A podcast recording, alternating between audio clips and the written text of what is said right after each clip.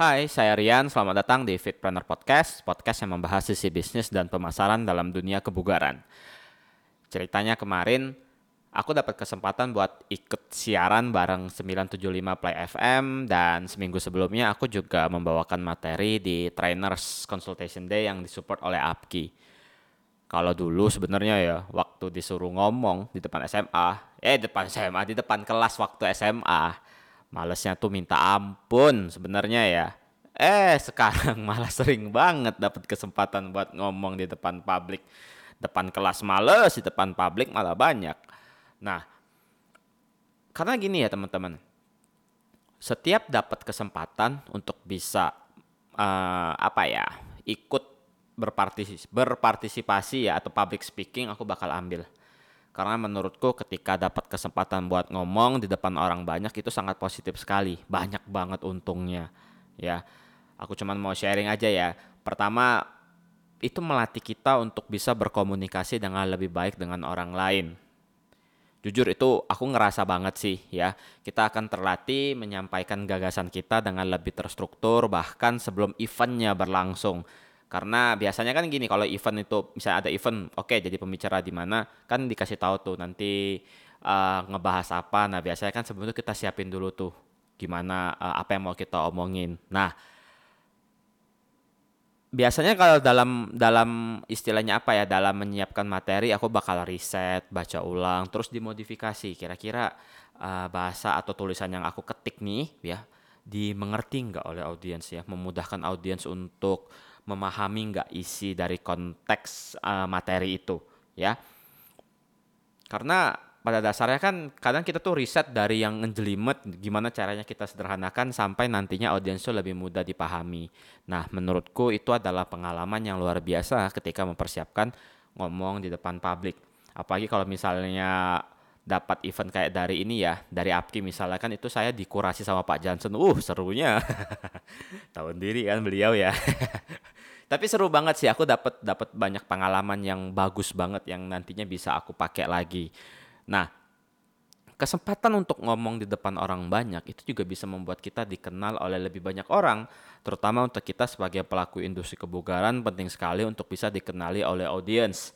Harapannya dengan makin dikenal, ya orang tuh tau lah apa yang menjadi gagasan kita, apa yang isi di dalam kepala kita tuh orang paham. Oh coach Rian dia dia tipikal pelatih yang dia nggak nggak pernah ngedukasi kliennya untuk takut makan nasi sih kayaknya aku cocok deh dengan dia. Nah orang-orang kan yang satu frekuensi akan mencari kita harapannya seperti itu. Ujung-ujung buat kita sendiri juga sih kan.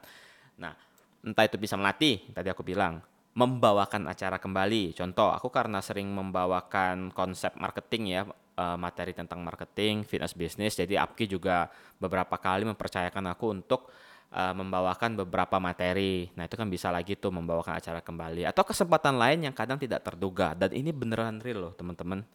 Kalau misalnya ngomongin kesempatan yang tidak terduga, kadang ada aja rezekinya ya. Bener-bener nggak terduga deh. Contoh nih, Uh, ini udah lama sih sebelum sebelum pandemi kayaknya ya, ya sebelum pandemi nih. Jadi aku pernah dapat project buat konsultasi pembuatan gym gara-gara Apki pernah buat semacam acara yang aku jadi narasumbernya. Jadi mirip seperti trainers consultation day kemarin, tapi agak lupa aku namanya apa kemarin. Kalau nggak salah itu yang aku pertama kali dapat kesempatan untuk ngomong masalah marketing kalau nggak salah. Eh marketing apa fitness business ya? Pokoknya antara dua itulah. Nah, setelah diposting oleh Apki beberapa hari kemudian, aku dikontak seseorang dari Riau, pengusaha dari Riau, entah dari mana dia dapat kontakku untuk konsultasi seputar pembuatan gym. Ya, dia mau bangun gym, uh, lokasinya di sini, dia punya bangunan, pengen buka gym tapi bingung mau gimana. Nah, akhirnya aku dikontak, aku tuh bilang tahu dari mana, tahu dari event Apki yang kemarin. Dan aku cukup dibayar mahal menurutku modal ngomong di telepon aja. Nah, inilah menurutku ketika kita dapat kesempatan buat ngomong di depan orang banyak, mending ambil aja. Urusan belum ada pengalaman lah atau gimana cara bawainnya lah itu nanti dulu. Yang penting kesempatannya diambil. Ya, karena ingat kesempatan tidak datang dua kali. nah, ambil dulu nanti baru kita pikirkan eksekusinya gimana ya itu bisa itu bisa menyusul ya nanti makin lama kelamaan kalau udah terbiasa malah kayaknya biasa aja untuk mempersiapkannya nggak sesusah waktu di awal-awal jadi aku pernah punya pengalaman jadi pembicara di venue di tengah-tengah mall. Jadi ini offline nih ceritanya. Dulu jauh banget sebelum sebelum ada koronce nih masuk ke Indo ya. Jujur nih ya, jujur. Aku megang mic tuh gemeternya luar biasa. Entahlah penonton ngelihat atau enggak ya. Udah didiemin nih tangan. diem, diem, diem, diem. Tapi masih gemeter megang micnya ya waktu di panggung. Tapi ya stay cool aja. Moderatornya kasih uh, pertanyaannya jawab cool aja ya. Entah ngomongnya belibet atau enggak. Ya udahlah nggak usah dipikirin. Karena wajar wak waktu itu kalau nggak salah itu kesempatanku yang kedua atau yang ketiga ngomong di depan uh, orang banyak secara offline. Jadi wajar kalau masih getarannya luar biasa ya 6,5 skala Richter getarannya ya. Jadi wajar karena baru karena baru ya. Ya udahlah nggak usah dipikirin yang penting kita evaluasi. Oke aku mungkin penyiapan materinya kurang matang jadi mungkin aku jadi agak gugup nih. Tapi ya udahlah nggak apa-apa nggak ada masalah. Yang penting dicoba terus dilatih. Karena kalau misalnya kita nggak pernah ambil kesempatan itu ya kita nggak pernah dapat sesi latihan. Ya anggap aja itu latihan sebenarnya kan. Nah sekarang gimana sih dapat kesempatan untuk bisa ngobrol di depan orang banyak ya? Bisa dapat kesempatan buat public speaking kalau dari pengalaman aku pribadi, kesempatan itu memang datang tiba-tiba aja sih. Tapi biasanya ada polanya kalau di aku ya. Kalau di aku biasanya vendor melihat dari konten yang aku buat atau misalnya aku collab sama orang lain, contoh dengan Apki misalnya, tertarik dan menghubungi aku secara langsung, ya.